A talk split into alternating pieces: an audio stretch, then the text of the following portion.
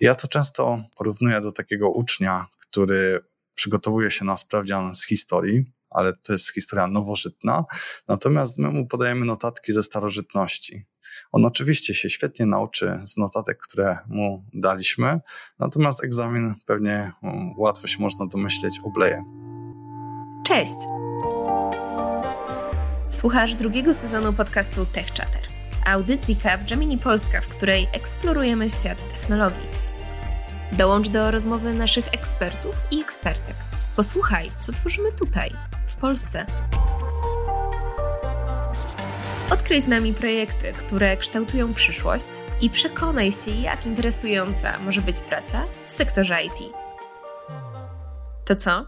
Zaczynamy? Witam wszystkich. Nazywam się Jacek Bogocz. Jestem w Capgemini AI and Analytics Senior Konsultantem. Moimi głównymi obszarami to jest data science, a w technologiach, w których na co dzień pracuję, to jest język Python i usługi cloudowe. Ja nazywam się Dawid Ulanowski.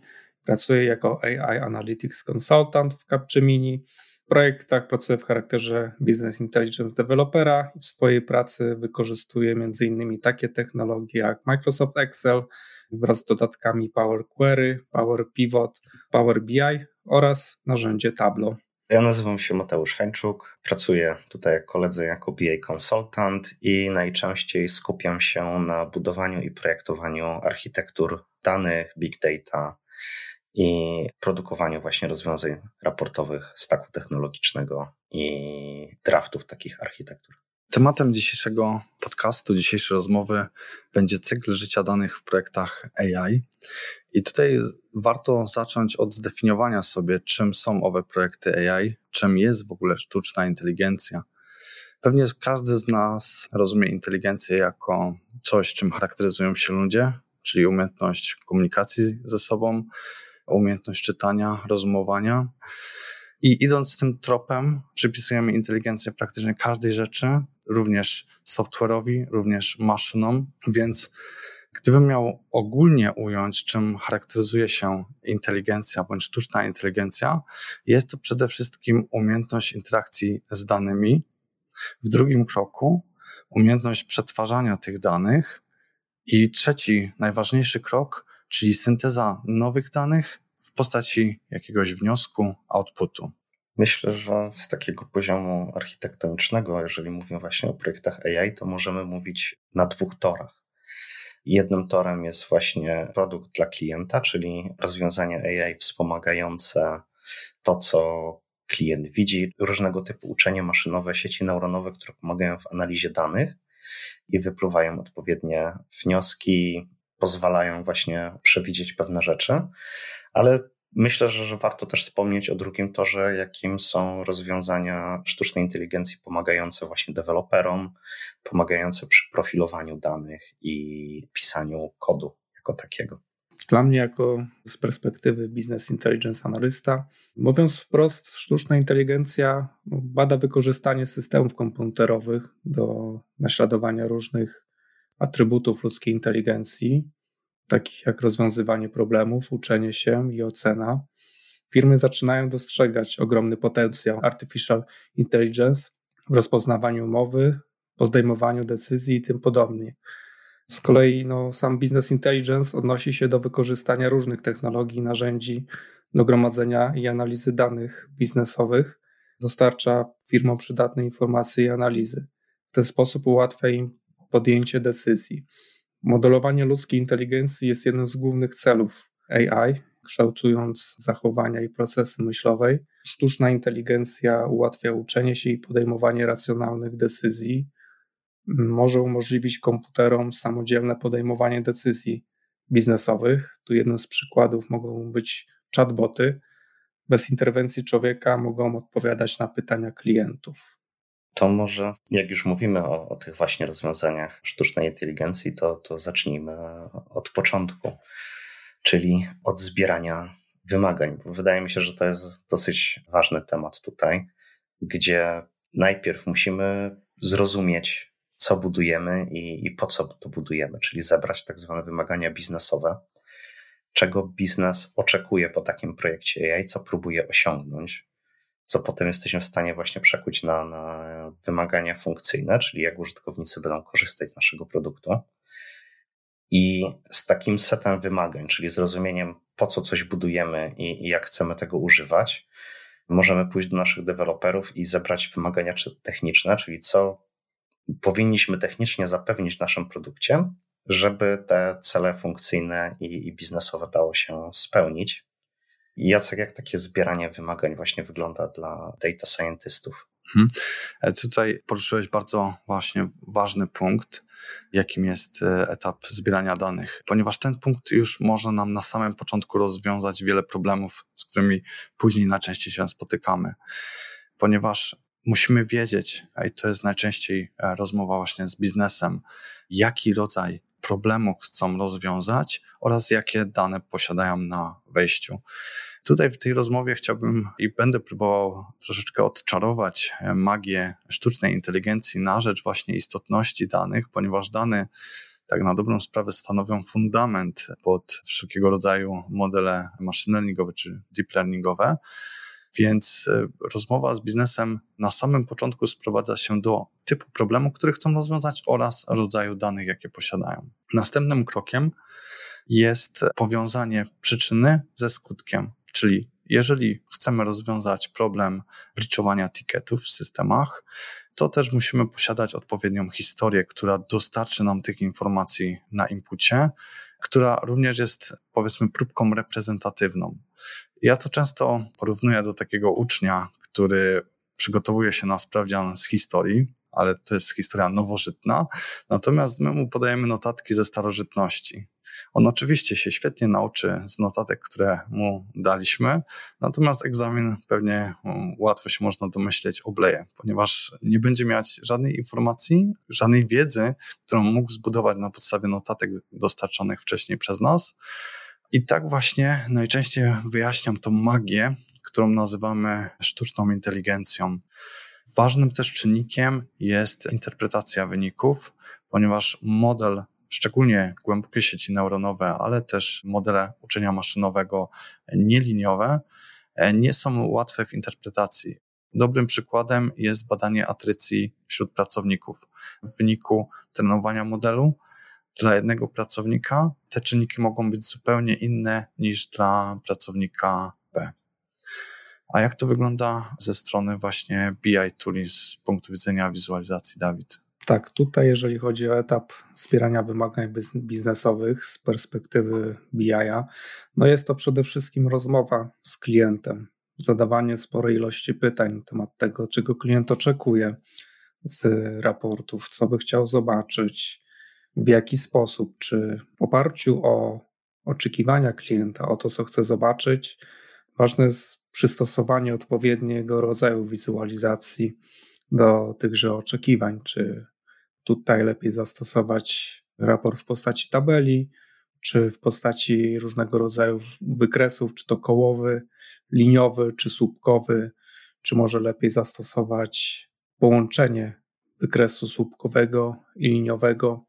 Na tym etapie, po zebraniu wymagań biznesowych od klienta, z mojej strony ważna jest współpraca również z data modelerem, który w oparciu o oczekiwania klienta musi taki model dany stworzyć, dobrać odpowiednie tabele i kolumny, połączyć je w odpowiedni sposób, żeby tylko te niezbędne dane wykorzystać do narzędzi BI-owych, żeby móc stworzyć tak zwane raporty szyte na miarę, dostosowane pod kątem oczekiwań klienta.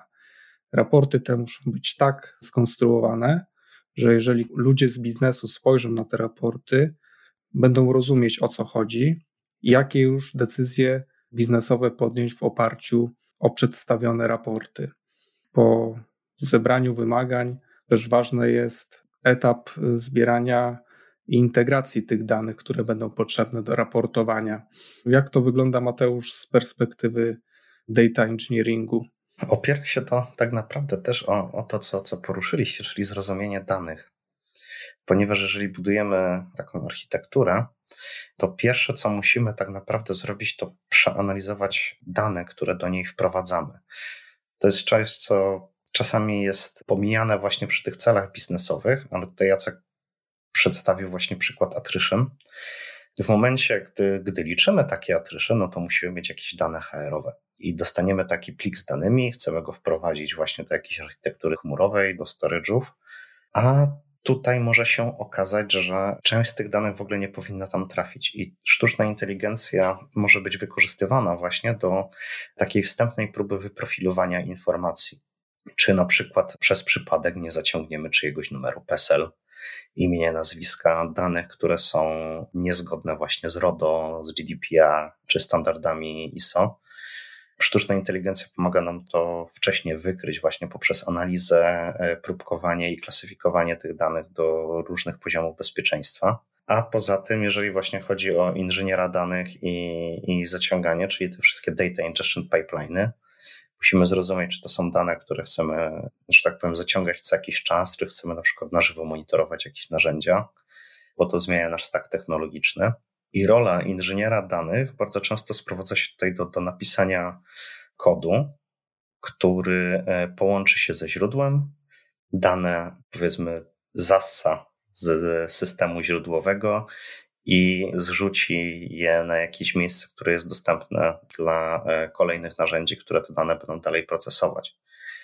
Więc poza właśnie takim kodem, który to zrobi, też jest tutaj ważne, że tak powiem, zabezpieczenie połączeń sieciowych i tych wszystkich elementów, które składają się właśnie na połącz się z systemem, zabierz część informacji, przeanalizuj je, przerzuć je do odpowiedniego miejsca w naszym data lake'u czy naszej bazie danych. Gładko bym przeszedł już do powiązanego tematu z integracji do przetwarzania danych, ponieważ e, często słyszymy, że data scientist tak na dobrą sprawę od 60 do 80% swojego czasu spędza na przetworzeniu danych, jego wyczyszczeniu i wzbogaceniu. Jednym z najczęstszych problemów, jakie występują, jakim spotykamy się w projektach AI, w pracy z danymi, jest jakość. Tutaj można uniknąć błędów i poprawić jakość tych danych właśnie na etapie przetwarzania. Tutaj nie ma też jednoznacznej odpowiedzi, jest pewien zestaw złotych reguł, najlepszych praktyk, którymi się posługujemy w swojej pracy, ale też bardzo ważna rola jest tego analityka biznesowego, o którym Mateusz wspomniałeś na samym początku, który nas poprowadzi i da nam zrozumienie, z jakimi danymi korzystamy, bo często pracujemy z różnymi rodzajami danymi finansowymi, chemicznymi, genetycznymi, HR-owymi. I tu można było wymieniać w nieskończoność, natomiast niestety nie jesteśmy w stanie się znaleźć na każdej z tych branży.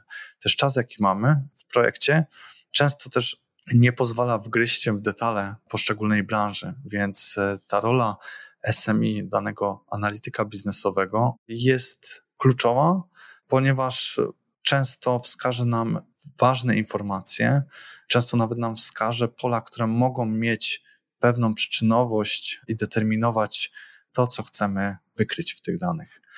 Wspomniałem o wartościach pustych, więc dla przykładu, jeżeli mamy 30% pustych wartości, możemy albo dane pole usunąć, bądź imputować. To też zależy od tego, ile mamy do dyspozycji pozostałych cech i jak mamy duży zbiór danych. W przypadku imputacji wartości pustych również mamy kilka możliwości, od najprostszych poprzez stałą, poprzez wartość średnią, czy najczęściej występującą.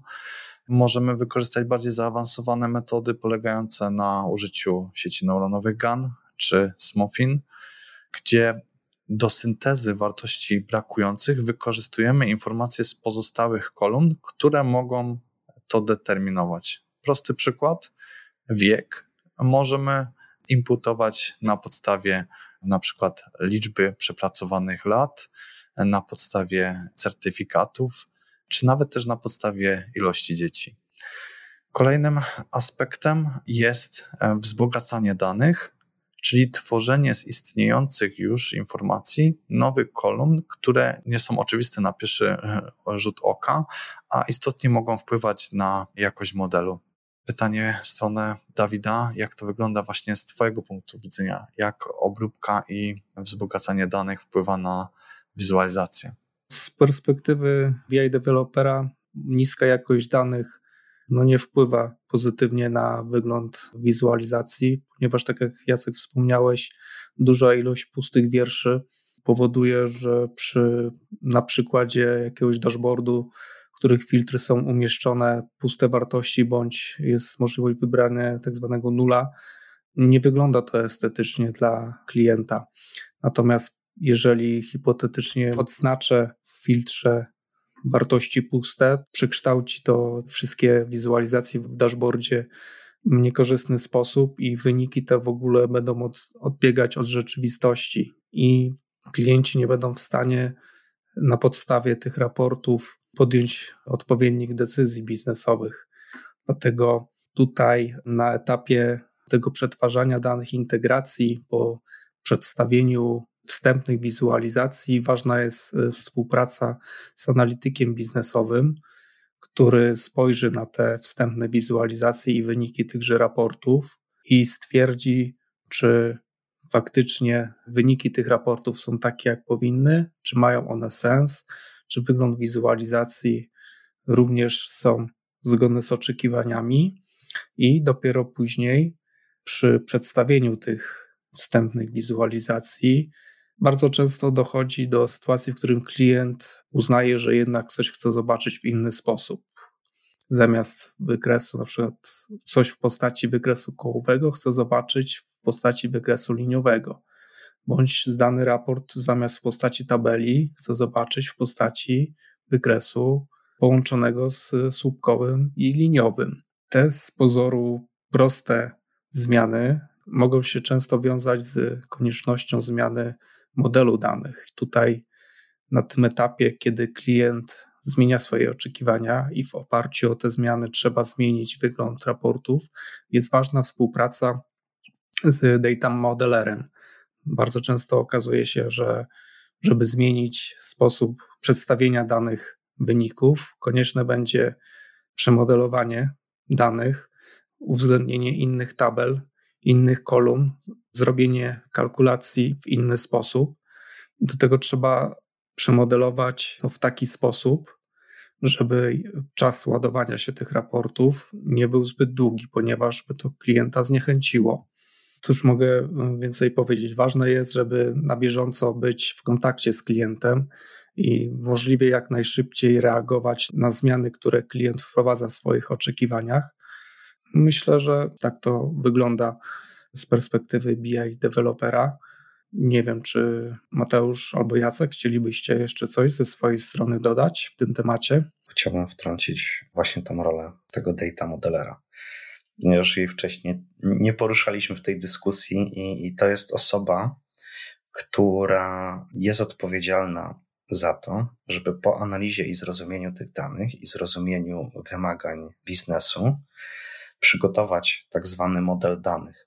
I, i model danych jest e, zestawem różnych tabel, plików, które się wzajemnie komunikują. Data modelera główna rola polega na tym, by właśnie określić w jakiej kolumnie, w jakiej tabeli, jakie dane mają się znaleźć, czy akceptujemy tam puste wartości, czy daty, czy tekst, czy elementy numeryczne, jak te wszystkie elementy będą się komunikować ze sobą. Czyli mamy człowieka, który komunikuje się z jakimś projektem, czyli musimy postawić jakąś drugą tabelę, która będzie nam mówiła coś o projektach, oraz tabelę, która będzie nam mówiła, jaki człowiek jest przypisany do którego projektu w jakim czasie. Tym właśnie data modeler się zajmuje. I drugą rolą inżyniera danych po tym, jak już, jak wspominałem, połączy się ze źródłem i, i te dane umieści w naszej architekturze, jest przygotowanie zestawu kodów, które odpowiednio transmasują te dane, próbują je umieścić w tym modelu, który data modeler określi. I ta część transformacyjna jest dosyć taka zasobożrąca, powiedziałbym, i tutaj są różne rozwiązania, jak to ugryźć. Czy to właśnie idziemy w zmianę modelu, przejście na architektury, które są dosyć popularne, jak Data Vault i Data Mesh. Teraz są chyba najbardziej popularnymi z takich architektur. Czy właśnie zmienić technologię, by była dopasowana do takich dużych e, transformacji danych, te popularne cloudowe platformy jak AWS, Google czy Azure mają swoje zestawy narzędzi specjalnie do tego dostosowane. Tak, żeby zamknąć właśnie ten temat modeli danych i powiązać go ze sztuczną inteligencją, to model danych jest właśnie odpowiedzialny za wyczyszczenie pewnych rzeczy, określenie, czy, czy wartości puste są w ogóle dopuszczalne w naszej architekturze na, na specyficznych kolumnach. Oraz mamy dosyć taki ciekawy zestaw narzędzi sztucznej inteligencji, które w tym pomagają. Po raz, że są specjalne narzędzia dla data modelerów, które pomagają nam zbudować ten model relacyjny, przygotować właśnie tę dokumentację dla inżyniera danych, ale część narzędzi BI-owych, jak na przykład ClickSense, sama próbuje taki model zbudować na podstawie tego, jakie dane do nich wypniemy.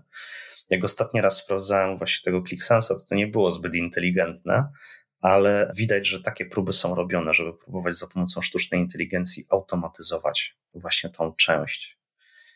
Więc nie tylko mówimy tutaj o właśnie klasyfikacji danych, ale też i o poprawieniu jakości i próbowaniu znaleźć jakichś wspólnych elementów, jak te dane będą ze sobą rozmawiać.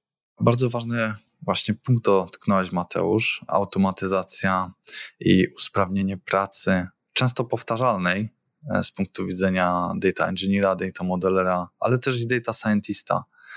Ja tutaj tylko wspomnę, od ostatnich paru lat mamy silny wzrost frameworków i rozwiązań AutoML-owych, gdzie praktycznie osoba bez znajomości kodu może stworzyć cały pipeline, począwszy od inputu danych, poprzez właśnie transformację, czyszczenia danych, wzbogacania, aż do budowania modeli, testowania, optymalizacji parametrów, serializacji i finalnie deploymentu modelu. Jednym z takich frameworków jest PyCaret. Jest to biblioteka Pythonowa, gdzie praktycznie w kilka linijek kodu stworzymy taki model. Jeżeli w ogóle nie chcemy dotykać kodu, patrz tutaj, rozwiązania cloudowe. Mamy w AWS-ie Amazon SageMaker Canvas, gdzie za pomocą drag and drop budujemy sobie pipeline. W przypadku rozwiązań Microsoftowych mamy Azure Machine Learning Designer, ten sam approach, to samo rozwiązanie. Jeżeli chodzi o sztuczną inteligencję, to również w przypadku rozpoznawania mowy nie będziemy trenować naszych własnych modeli od zera. Będziemy przecież prawdopodobnie wykorzystywać modele już gotowe. Taką bardzo popularną bazą jest Hugging Face, gdzie możemy znaleźć bardzo bogaty wachlarz wytrenowanych modeli. Więc ze strony data scientista pozostaje pobranie takiego modelu, ewentualnie dotrenowanie go czy zmienienie jakiejś warstwy w sieci neuronowej i wykorzystanie już do swojego projektu. Wspomniałeś właśnie, Mateusz, o automatyzacji, wykorzystaniu AI w przypadku wzbogacania i przetwarzania danych. Tutaj też te kroki ze strony data scientista parę lat temu polegały na żmudnym kodowaniu, z reguły tych samych jednostek, więc generalnie też frameworki i obecne rozwiązania pomagają na to zautomatyzować. Dla przykładu AWS Data Wrangler. Też możemy tworzyć pipeline do przetwarzania danych i model sam zaproponuje, jaki rodzaj imputacji, jaki rodzaj transformacji użyć dla danych. My będziemy tylko osobą, która decyduje, którą formę, które rozwiązanie wybrać. W większości przypadków jest to bardzo dobry baseline dla naszego projektu, ponieważ w bardzo krótkim czasie pozwala nam zobaczyć, co się w tych danych dzieje. Czy nasz model, czy nasze predykcje są randomowe, czy mimo wszystko gdzieś te predykcje mają większą istotność statystyczną i jesteśmy w stanie później, już schodząc na niski poziom, odpowiednio zoptymalizować dany model. Więc ja w swojej pracy widzę wyraźną poprawę i wyraźne ułatwienie właśnie automatyzacji wykorzystania gotowych frameworków, AutoML czy gotowych serwisów AI. Tutaj znowu można podać parę przykładów.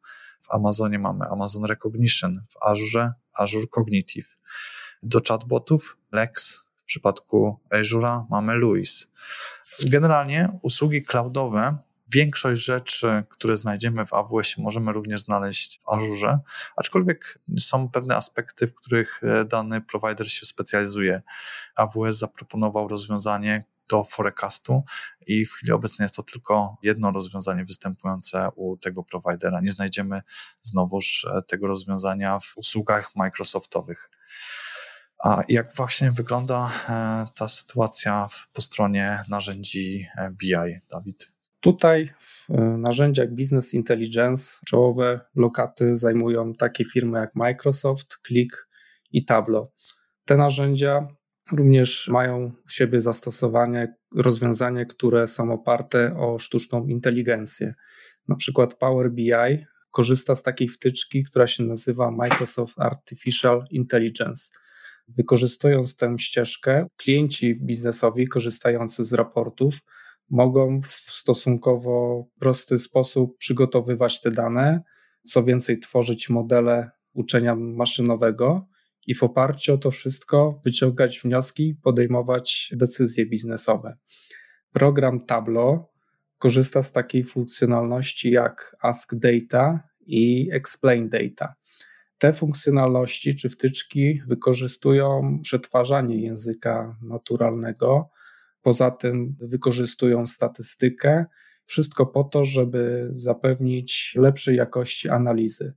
I to zarówno użytkownikom biznesowym i osobom, które no, są, tak powiem, wtajemniczone w szeroko pojęte data science. Na przykład narzędzie Click posiada taką funkcjonalność, która nazywa się Cognitive Engine, i ona wykorzystuje mechanizmy uczenia maszynowego po to, żeby odbiorcom podsuwać, sugerować wizualizacje, które będą najbardziej optymalne dla ich oczekiwań. I to ułatwia użytkownikom biznesowym analizę danych. Jak widać, sztuczna inteligencja ma bardzo szerokie zastosowanie i pozwala ona ludziom biznesu lepiej zrozumieć swoich klientów. Wszystkie te aplikacje, które wykorzystują mechanizmy sztucznej inteligencji, często stanowią kombinację jednej lub wielu funkcji. Takie funkcje najczęściej są automatyzacja procesów, bo zaangażowanie i analiza poznawcza. Także te funkcje mogą w sposób automatyczny aktualizować informacje na przykład o swoich klientach. Dzięki temu komunikacja z konsumentami jest o wiele łatwiejsza. Te narzędzia dostarczają też wskazówki, które dotyczą na przykład znormalizowanych dokumentów różnego rodzaju, umów, faktur i tym podobne.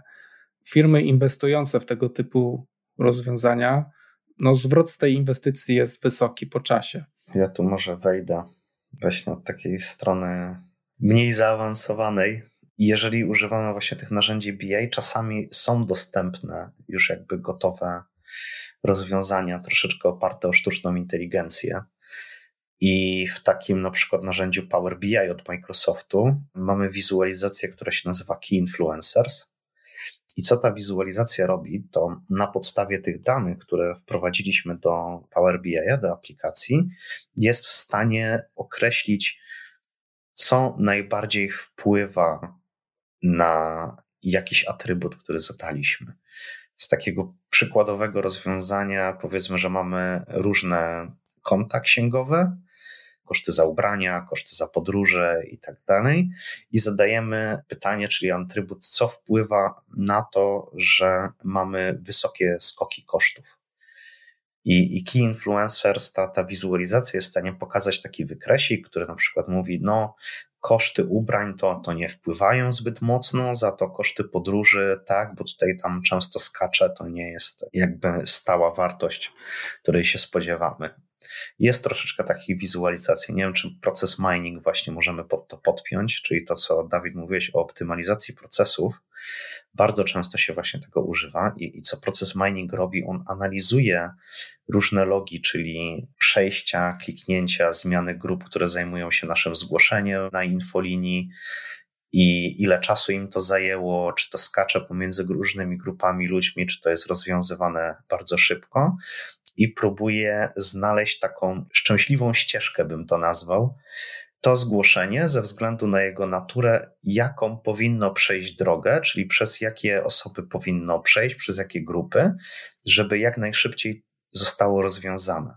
I w momencie, w którym proces mining wykryje właśnie taką szczęśliwą ścieżkę, jesteśmy w stanie przygotować zestaw reguł, jak takie zgłoszenie powinno się zachowywać, które przekazywane jest potem tym infoliniom, właśnie na zasadzie takiej mamy problem z Outlookiem czy jakimś innym identyfikatorem poczty, nie może się połączyć z siecią.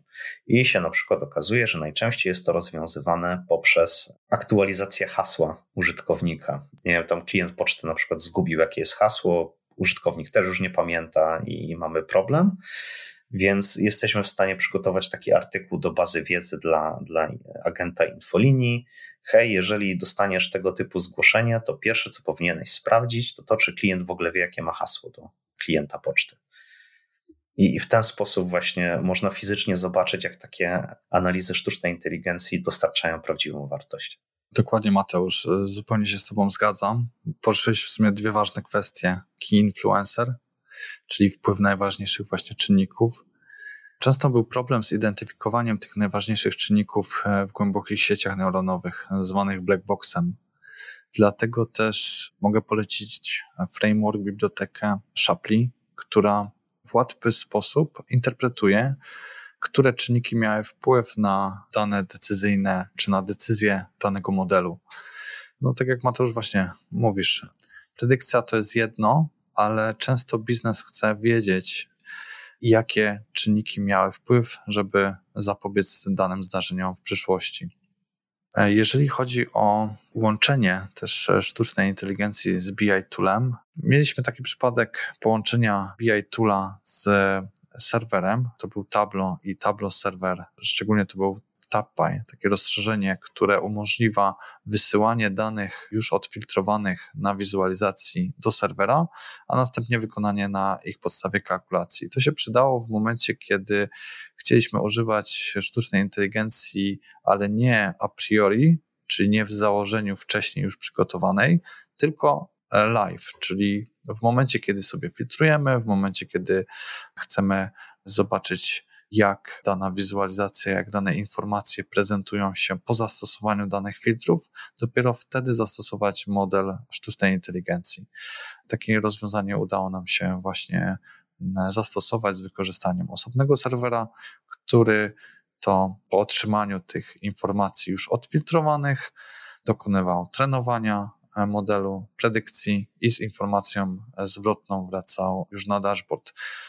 Obawialiśmy się tutaj spadku, znaczącego spadku performance'u, aczkolwiek nie były to jakieś duże zbiory danych, więc całość zajmowała od momentu filtracji aż poprzez e, zwizualizowanie już pożądanych wyników raptem kilkanaście sekund. Więc to też jest coś, co może dziwić. Tutaj fajnie na przykład powiedzieć, co, co się wybija w takich rozwiązaniach. No bo przykłady przykładami, ale na czymś to budować trzeba. I tutaj właśnie rola architekta często sprowadza się do tego, żeby wybrać stack technologiczny. I najczęściej jest on dostosowany do funkcjonalności. Na przykład, jeżeli myślimy o proces miningu, o tym, co wspominałem wcześniej, to taki trendujący obecnie jest Celonis, chociaż ostatnio się o nim coraz mniej słyszy, bo większość tych narzędzi BI-owych ma już jakieś pluginy, które pozwalają robić proces mining nie na tak zaawansowanym etapie jak Celonis, ale w wielu przypadkach życia po prostu wystarcza. Do tego właśnie dochodzi wybór tej platformy, gdzie te dane będziemy trzymać, i tutaj ostatnio się poza takimi architekturami popularnymi, ostatnio się wybija ten koncept Lake House, i, i tu widzę, że króluje albo Databricks, który jest bardzo powiązany z Microsoftem ostatnimi czasy, albo właśnie Snowflake, inne narzędzie tego typu, i ono troszeczkę mocniej się składa w stronę AWS-a, z tego co widzę, więc to też jest ciekawostka. No i jak wspominaliśmy właśnie o inżynierii danych, ostatnio trafiłem na chat GPT, który jest takim chatbotem, ale bardziej właśnie skierowanym do deweloperów, czyli jesteśmy w stanie na przykład wkleić kawałek kodu, który mamy i, i zapytać chatbota, hej, ten e, kawałek kodu zwraca błąd, jak ja to mogę naprawić? Albo jak napisać jeden z tam z pryncypiów programowania, czyli na przykład obserwer, czy właśnie konstruktor klasy, tego typu pytania jest w stanie wyrzucić jakby gotowy kod w języku, w którym piszemy i w ten sposób sobie ułatwić pracę albo pomóc z pisaniem testów jednostkowych. To są takie fajne ciekawostki technologiczne, na które warto zwrócić uwagę, szczególnie jeżeli ktoś na przykład chce się spełniać w roli solution architekta, to najczęściej właśnie solution architekci znają bardzo dużo narzędzi, ale nie wnikają w jakieś tam szczegółowe detale o nich. I, i są w stanie dobrać odpowiednie narzędzie do funkcji. Nie? Więc to jest, myślę, że dobry pomysł. Zainteresować się przynajmniej, jakie tam technologie ostatnio są popularne. Tutaj też właśnie zmieniający się trend, o którym Mateusz wspominasz, coraz większe wkraczanie automatyzacji, ułatwiania i redukcji czasu na powtarzające się taski powoduje, że w roli, w roli data scientista e, też coraz bardziej zanika tak jakby skupianie się tylko i wyłącznie na, na modelowaniu, na trenowaniu. To dostarczane frameworki czy usługi praktycznie wykonują większość roboty za nas. Wobec tego coraz częściej oczekuje się od takiej osoby znajomości też pryncypiów data engineeringu, znajomości clouda oraz możliwości pracy z big data. Tutaj mógłbym polecić właśnie też Databricksy, ale przede wszystkim PySparka. To warto wspomnieć, że i Databricksy i Snowflake właśnie siedzą na, na Sparkowych jak SpicePark, Scala, jak najbardziej. A oprócz tego na Sparku też mamy biblioteki machine learningowe. E, najpopularniejsza to jest MLlib.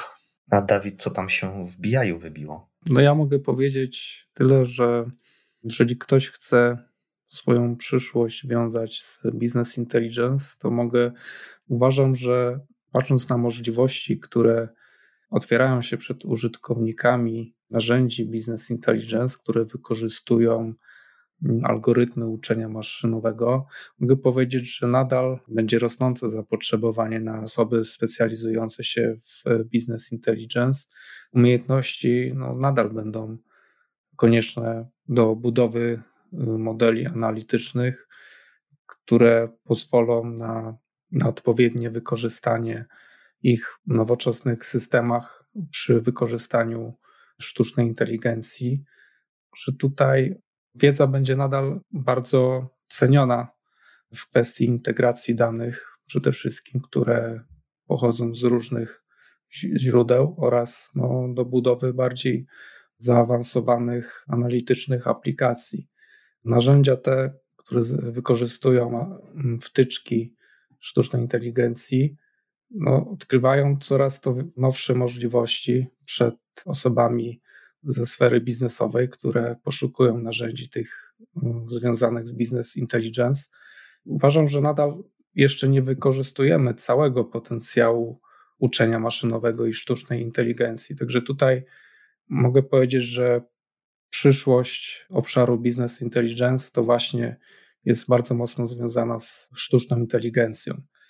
Także osoby z tego obszaru wspomnianego business intelligence, dysponując coraz to nowszymi narzędziami, będziemy w stanie dostarczać no, lepsze rozwiązania dla, dla biznesu. Także organizacje, które stoją w obliczu nowych wyzwań, nowych problemów biznesowych, uważam, że inwestycja w narzędzia BI i sztucznej inteligencji zwrócą się bardzo szybko i z całą pewnością wniosą realną wartość do biznesu. Dziękuję bardzo za, za rozmowę. Mateusz Dawid, bardzo ciekawa rozmowa. Myślę, że tutaj poruszyliśmy wiele ważnych aspektów, z którymi spotykamy się w pracy, w projektach AI, ale też e, troszeczkę taki rysy i trendy, jak zmienia się dany rynek. To i ja również bardzo chciałem podziękować Tobie, Jacek i Mateusz, za, za tą rozmowę i również słuchaczom za to, że tyle czasu wytrzyma, wytrzymali w czasie tej rozmowy, która była bardzo mocno techniczna.